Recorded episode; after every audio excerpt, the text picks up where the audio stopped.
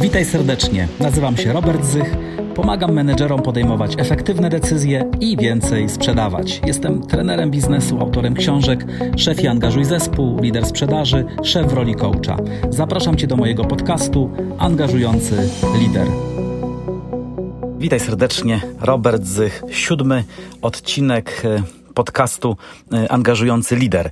W okresie pandemii chwila przerwy. E, mam nadzieję, że teraz już wracamy do normalności, wracamy do mm, systematycznej pracy i również postanowiłem wrócić e, w tym okresie. No, głównie koncentrowałem się na tym, żeby zdobywać klientów, żeby pozyskiwać biznes. E, to były e, główne obszary mojej koncentracji. Dlatego chwilowa przerwa w podcastach, ale wracam i tutaj postaram się pracować z Wami systematycznie. Mm, ostatnio, słuchajcie, w marcu, dzisiaj 12 lipca 2020 roku, wakacje, ale dla wielu z nas y, oczywiście te wakacje są bardzo pracowite, czy pracujemy intensywnie, mocno, staramy się mm, po prostu odbudować y, tych kilkanaście tygodni, które gdzieś umknęły nam ze względu na, no właśnie, sytuację w Polsce. Od 16 marca w sumie byliśmy, y, byliśmy w domach. Y, y, dobry czas do tego, żeby zainspirować się, żeby poczytać, żeby trochę popracować nad samorozwojem. No i właśnie dlatego mm, również wracam z podcastami. Dzisiaj będę mówił, słuchajcie, znowu, prawda, o angażowaniu, angażowaniu zespołu, szczególnie w okresie pandemii, kiedy pracujecie z zespołami rozproszonymi, zespołami zdalnymi, no to to angażowanie zespołu wydaje się piekielnie istotne, wydaje się bardzo ważne. Mm, dzisiaj przytoczę rzeczywisty, praktyczny case study, który się wydarzył naprawdę. Mm, ten, tą historię opowiada nam Marta. Marta poprzednio Rozmawialiśmy y, o sytuacji Moniki, y, a dzisiaj właśnie y, Marta i Soren, czyli naukowcy. No ale króciutkie mm, przypomnienie, skuteczne angażowanie zespołu. Będę mówił o skutecznym angażowaniu zespołu, o formułowaniu problemu decyzyjnego, mm, a także poznamy właśnie mm, sytuację Marty.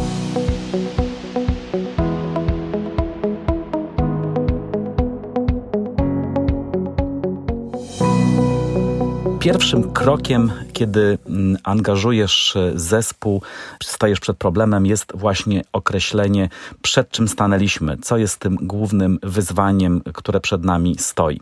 Czasem jako szefowi określamy ten problem zbyt wąsko, przez co ograniczamy możliwość realnego zaangażowania zespołu.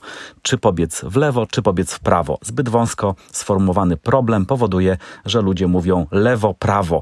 Trochę zamykamy się wtedy na różne inne możliwości znalezienia zupełnie innego pomysłu.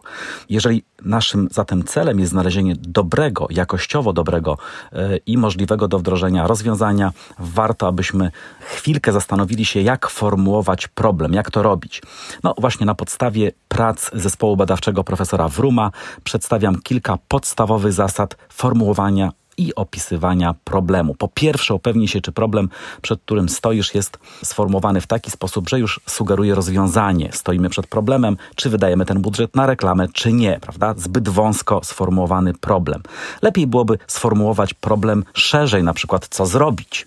Czyli zobaczcie tutaj zamiana pytania zamkniętego na pytanie otwarte. Co zrobić, aby zwiększyć rozpoznawalność naszej marki lub co zrobić, aby poprzez działania reklamowe zwiększyć sprzedaż. Jeżeli trudno Tobie wyobrazić sobie więcej niż jedno rozwiązanie problemu, może to oznaczać, że masz przed sobą raczej rozwiązanie, które powinieneś jak najszybciej wdrożyć, niż jednak stoisz przed problemem. Poświęcenie czasu oraz angażowanie innych w rozwiązania, dla których y, właśnie dla tego rozwiązania nie ma odpowiednich opcji, może być mniej efektywne, a nawet bezcelowe. Poza tym ocena możliwych rozwiązań może być zbyt wąska. Znowu wracam tutaj do zadawania pytania, czy na pytanie co. Zastanów się, na czym polega problem, dla którego chcesz znaleźć potencjalne rozwiązanie. No dzisiaj właśnie w okresie COVID-a e, szukamy dobrych rozwiązań. Czasem firmy e, zmieniają branżę, czasem my szukamy pewnej niszy rynkowej. Dlatego prawdopodobnie okaże się, że możesz na wiele sposobów opisać e, wyzwanie, przed którym stoisz. W zależności od tego, jak szeroko zdefiniujesz, tyle otrzymasz rozwiązań. Im szerzej, tym większa perspektywa szerszych rozwiązań. Pod warunkiem oczywiście, że nie wykraczają one poza Twoje możliwości oraz dostępne zasoby, którymi razem z zespołem dysponujesz, na przykład środki finansowe, na które możesz sobie pozwolić. Po drugie, formułuj problemy, a nie potencjalne rozwiązania. Ludzie często przedstawiają problemy używając zdań pytających, na przykład zgadzamy się na to, czy się nie zgadzamy. Mamy działać po nowemu, czy tak jak do tej pory po staremu. W takich sytuacjach warto najpierw zidentyfikować problem, którego te rozwiązania dotyczą. Często pojawiają się inne opcje warte rozważenia oprócz tych dwóch, które zawarliśmy w samym pytaniu. Zamiast więc zastanawiać się, czy robimy tak, czy inaczej, warto zastosować pytanie otwarte. Znowu wracam do pytań otwartych. Co zrobić, aby, jak poprowadzić ten proces, żeby osiągnąć, zatem jaki mamy wybór w tej sprawie. Po trzecie, opisz problem jako dystans pomiędzy, czasem coachem mówią, punktem A, punktem B. Tutaj profesor Wrum mówi, gdzie dzisiaj jesteś zespołem, a tym, gdzie chcesz z tym zespołem być w określonym czasie, na przykład na koniec 2020. Przed nami wrzesień, październik, listopad. No tutaj zapowiadają, że może być, prawda, wyzwanie pod kątem drugiej fali pandemii, więc chcemy się do tego czasu przygotować. Waszym celem jest pokonanie tej drogi bez względu na jej długość. Chociaż oczywiście w okresie kryzysu, w okresie pandemii staramy się wyznaczać przede wszystkim cele krótkoterminowe, które możemy efektywnie osiągać. Jeżeli docelowy stan nie pokrywa się z tym, czego chce Twoja grupa, pamiętaj o zbieżności celów, którą planujesz zaangażować w proces, spróbuj poszerzyć definicję problemu w taki sposób, aby znaleźć wspólną potrzebę, aby ta zbieżność celów wzrosła. Będzie po prostu wtedy łatwiej zaangażować zespół. Zarówno Twoja zbieżność celów, jak i zbieżność celów zespołu. Przykładowo cel zredukować zatrudnienie o 30%. No, wielki kłopot, wielkie wyzwanie, no bo rzeczywiście zwolnienia mm, obecnie się zdarzają i prawdopodobnie ten proces y, w związku z recesją gospodarczą może nastąpić y, nadal. Można sformułować jednak to szerzej. Chcemy w pierwszej kolejności osiągnąć planowany zysk w 2020 roku. Jak zasypać te miesiące, kiedy COVID odebrał nam możliwość pracy z klientami? Zastanówmy się, jakie działania przychodowe i kosztowe możemy podjąć, aby ten cel osiągnąć. Zobaczcie, jak inaczej redefiniujemy cel zmniejszyć zatrudnienie bądź zwiększyć szanse na osiągnięcie przychodów i zmniejszyć koszty w 2020 roku. Czwarte, staraj się unikać wskazywania, że potencjalną przyczyną problemu jest brak umiejętności, wiedzy, doświadczenia lub motywacji zespołu. Nikt w Polsce nie lubi być oceniany, szczególnie można powiedzieć zespoły ekspertów, no chcą być doceniane. Zamiast tego po prostu możesz spowodować podporządkowanie tego zespołu, a nie jego zaangażowanie. Jeżeli zależy Ci na zaangażowaniu, problem formułuj w taki sposób, aby opisać przyczyny sytuacji lub przykłady, a nie oceniaj kompetencji Twoich ludzi. Jeśli uznasz, że po prostu zespół potrzebuje uzupełnienia kompetencji, warto wtedy e, poprzez e, training on the job, poprzez e, spotkania zespołowe tą wiedzę wzmocnić. Po piąte, zapisz ten problem, przed którym stoisz, zapisz go wspólnie z zespołem. Tutaj w pracy zdalnej korzystamy z komunikatorów zdalnych, mamy białe tablice, na tych białych tablicach można zapisywać, przekazywać sobie tą wiedzę wspólnie. Przelanie myśli na papier pozwoli Ci upewnić się, że rzeczywiście chodzi e, o problem, można go przejrzeć, spisać. E, jeżeli okaże się, że nadal jest to problem e, ważny, no to wtedy angażujesz się, żeby rozwiązać go wspólnie z pracownikami.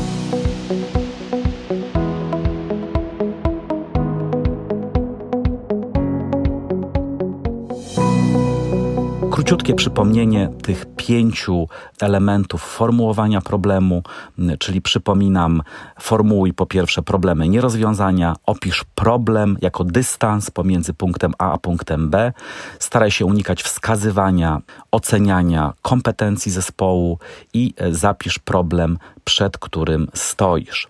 E, I zmierzam, słuchajcie, do jest mi niezmiernie miło, bo e, tutaj z Martą pracujemy od kilku lat e, już blisko. Marta na co dzień e, pracuje w, w Niemczech, w Hamburgu, jest no, cenionym naukowcem, uznanym w świecie, prawda, e, ukończyła wyższe uczelnie, wydziały chemii w Polsce.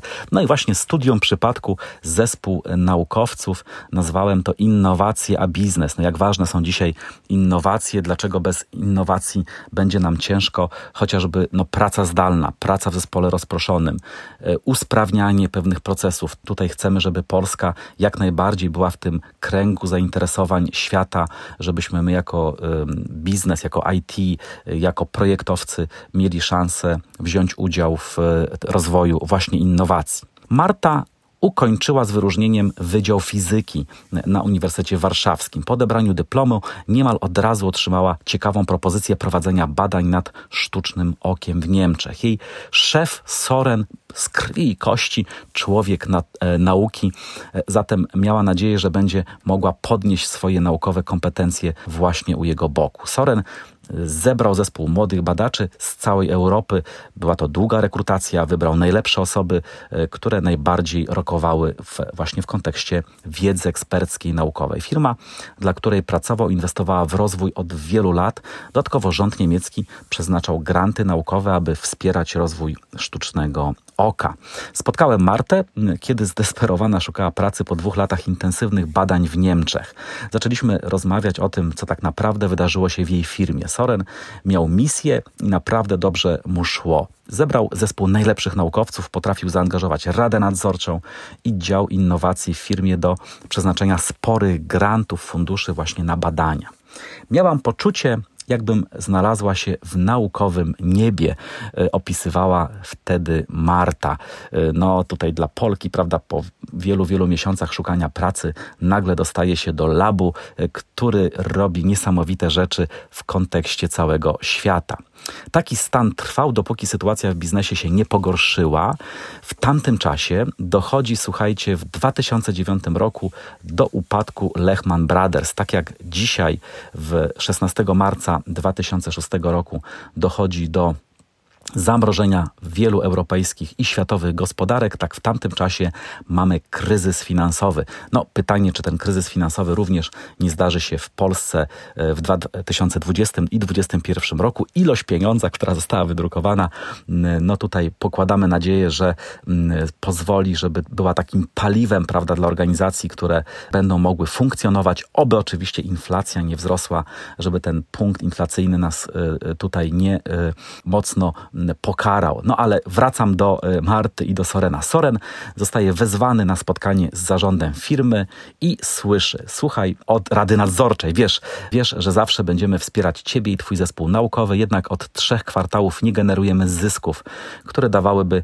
stabilność w naszym biznesie. Prosimy Cię zatem, Soren, o pomoc. Niech Twój zespół naukowy porzuci innowacyjne projekty związane ze sztucznym okiem i pomoże naszym jednostkom biznesowym w generowaniu sprzedaży cisza.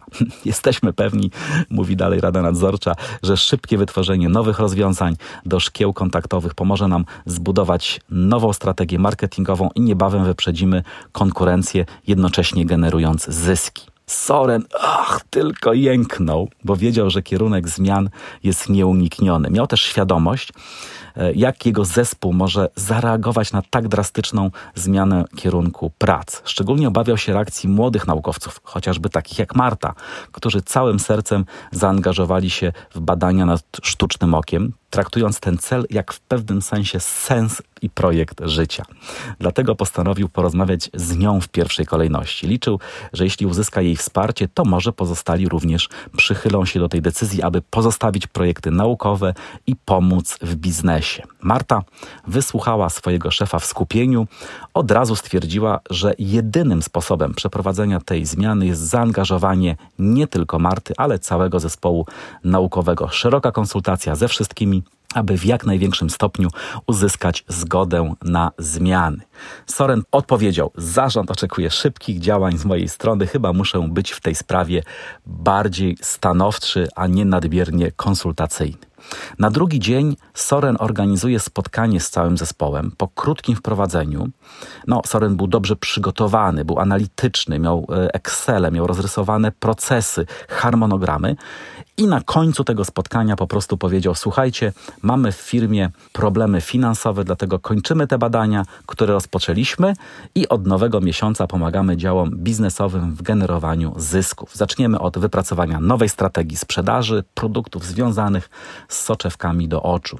Mam nadzieję, że moja decyzja zostanie przez Was dobrze przyjęta. Czy są pytania?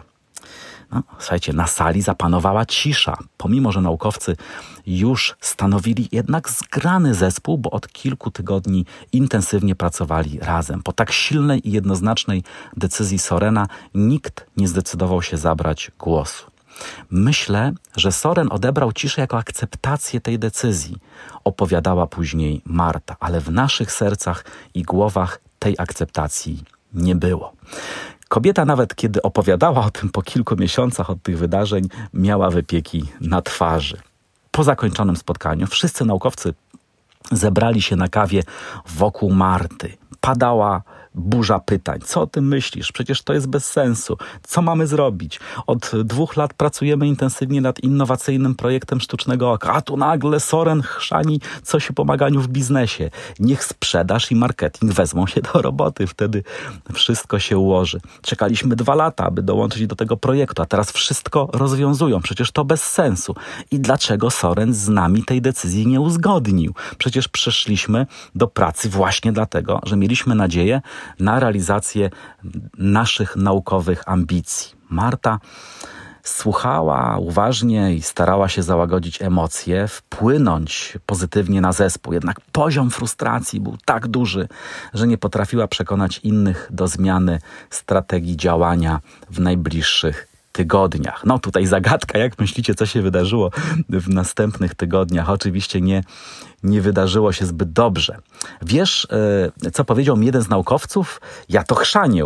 E, jeśli ci na górze nie szanują nas, to ja wysyłam swoje CV do innych projektów badawczych. Myślę, że bez problemu znajdą pracę w ciągu najbliższych trzech miesięcy.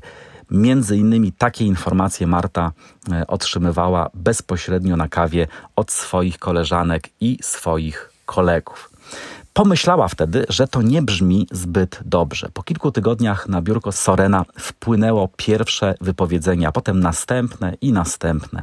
Marta była lojalna do samego końca, kiedy to Soren zdecydował się odejść do innego laboratorium w Monachium. Cały projekt badań nad sztucznym okiem przejął inny zespół naukowców. Marta skwitowała tę sytuację tak. Cóż, myślę, że gdyby Soren w bardziej angażujący sposób skonsultował ten problem z nami, udałoby się uzgodnić plan prac i zwiększyć szanse na zaangażowanie całego zespołu. Gdyby próbował pokierować nami tak, abyśmy doszli do dobrych rozwiązań lub choćby omówić sprawę z całym zespołem, abyśmy mogli się wypowiedzieć, słuchając się nawzajem, no to rozwiązanie by myślę, żeby przyszło samo. Dyrektywna decyzja w tym wypadku była najmniej efektywna, bo nie angażowała nas w problem, którego rozwiązanie wymagało naszego wkładu.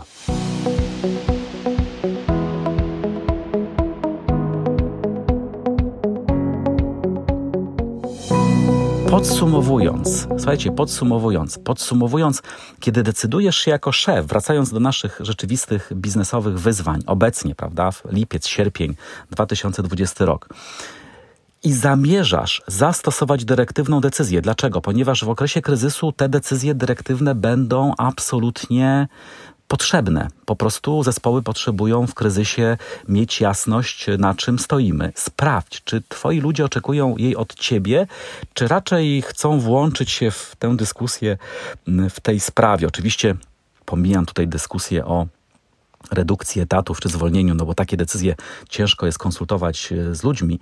Natomiast już e, element organizacji pracy, oszczędności w firmie, szukania e, nowych źródeł wpływu, to wszystko ma mm, źródeł, nowych źródeł zarabiania pieniędzy. To wszystko warto konsultować. Wskazówki dla szefów, jak angażować zespół ekspertów. Dziś wielu z nas szefów kieruje właśnie eksperckimi zespołami sprzedaży, czy zespołami nie tylko sprzedaży, ale naukowymi, czy zespołami produkcyjnymi, w których ludzie mają często dużo większą wiedzę niż ich przełożony, bo na przykład są inżynierami, bo są doświadczonymi projektowcami w branżach IT. Prowadzenie takiego zespołu w sposób dyrektywny zazwyczaj jest bardzo trudne, gdyż wiąże się z ryzykiem, że będziesz podejmował błędne decyzje, nie mając takich specjalistycznych umiejętności jak twoi podobni podopieczni, no bo trudno szefowi znać się na wszystkim, czego dotyczą projekty jego podopiecznych. Dodatkowo, kiedy zarządzasz zespołem ekspertów silną ręką, to jeśli oni tego nie potrzebują, możesz mieć olbrzymi kłopot w zbudowaniu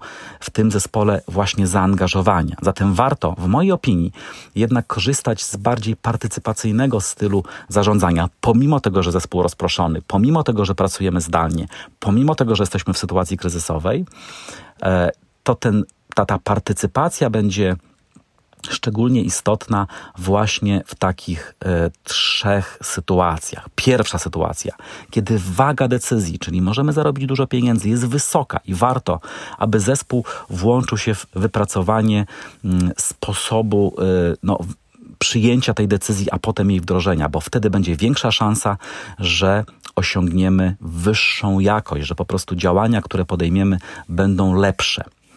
Czyli po pierwsze waga decyzji. Po drugie, bardzo potrzebujesz zaangażowania Twojego zespołu, szczególnie w zespołach rozproszonych, kiedy nie mogę skontrolować pracy moich e, ludzi, patrząc im na ręce, aby efektywnie wdrożyć decyzje. Innymi słowy, raczej trudno będzie osiągnąć cele projektu bez zaangażowania zespołu. Jeśli potrzebujesz tego zaangażowania zespołu, na pewno warto zrobić konsultację grupową albo może nawet facylitację, przegadać ten proces z zespołem, czyli waga decyzji, potrzeba zaangażowania i i trzecia sytuacja, zespół nie chce, abyś narzucił mu swoje rozwiązanie. Zobaczcie, tutaj naukowcy niekoniecznie w przypadku Marty y, oczekiwali, żeby Soren tak dyrektywnie narzucił, które projekty kończą, które y, muszą przekazać, gdzie mają się dołączyć do, do biznesu.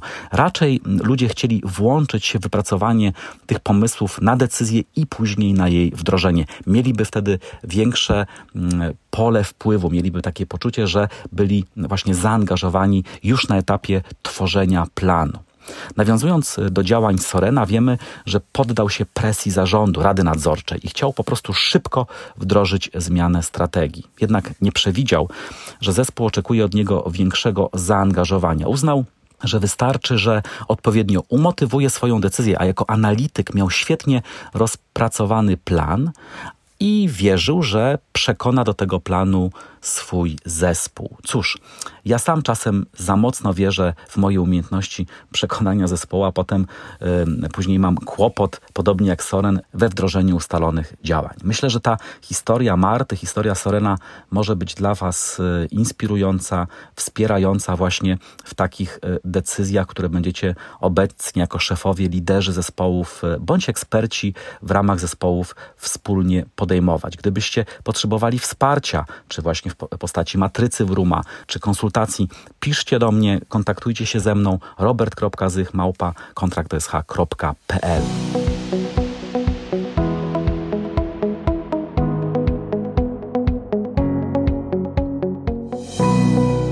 O czym e, dzisiaj mówiłem? Jak ważne jest prawidłowe formułowanie problemu decyzyjnego? Podsumowując, jak radzić sobie w obliczu czasem sprzecznych argumentów e, ze strony zespołu?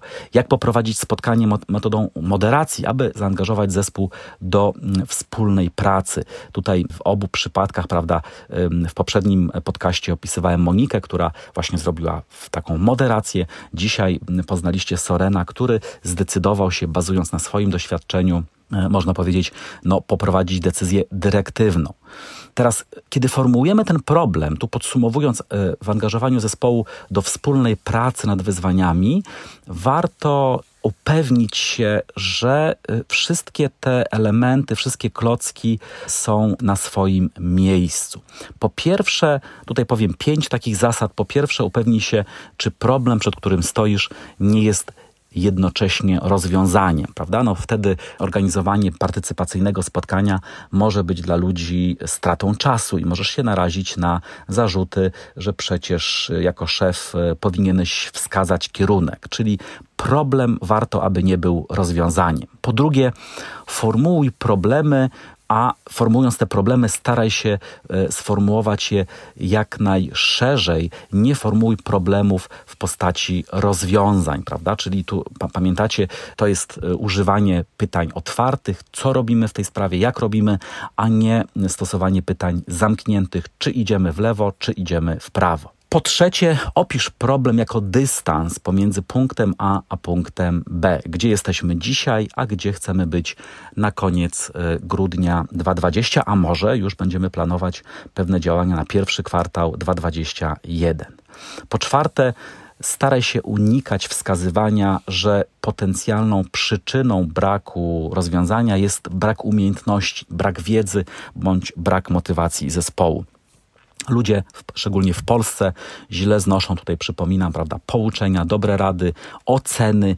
Źle się czujemy, mm, kiedy personalnie ktoś nas ocenia. Oczywiście przyjmujemy informację zwrotną, jeśli ocena dotyczy faktów, ale y, źle y, czujemy się, nasze zaangażowanie spada, jeśli ktoś ocenił nasze motywacje, naszą wiedzę bądź nasze umiejętności. I po piąte, zapisz problem, używając tutaj narzędzi komunikacyjnych, białych tabli, tablic, y, dokumentów Word, nie ma to znaczenia. Zapisz problem, przed którym stoisz z zespołem, no bo wtedy ten zapisany problem będzie integrował Was, żeby wspólnie poszukać najlepszych rozwiązań.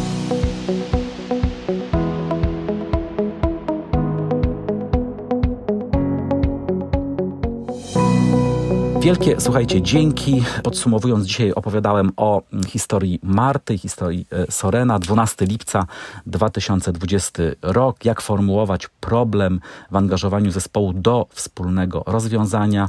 Mm, cały koncept e, oparty jest na badaniach profesora Wiktora Wruma z Uniwersytetu Yale, który właśnie tam e, prowadzi na Wydziale Zarządzania na studiach dla menadżerów, na studiach MBA, prowadzi mm, program Decision Making for Leaders, a ponieważ jesteśmy w kontakcie z profesorem, no to fragmenty prawda, tego modelu czy tej wiedzy będę tutaj chętnie na kolejnych podcastach angażujący lider z Wami się tą wiedzą dzielił. Było mi niezmiernie miło. Wracam do systematycznego podcastowania, jak to się mówi tak y, w takim branżowym języku, ale oczywiście będę nagrywał y, krótkie porady i będę się z Wami tymi poradami dzielił. Wielkie, wielkie, słuchajcie, dzięki, dobrej pogody w lipcu, dobrego odpoczynku, dobrej pracy E, do zobaczenia, do usłyszenia na następnych audycjach. Serdecznie pozdrawiam, Robert Zych. Trzymajcie się.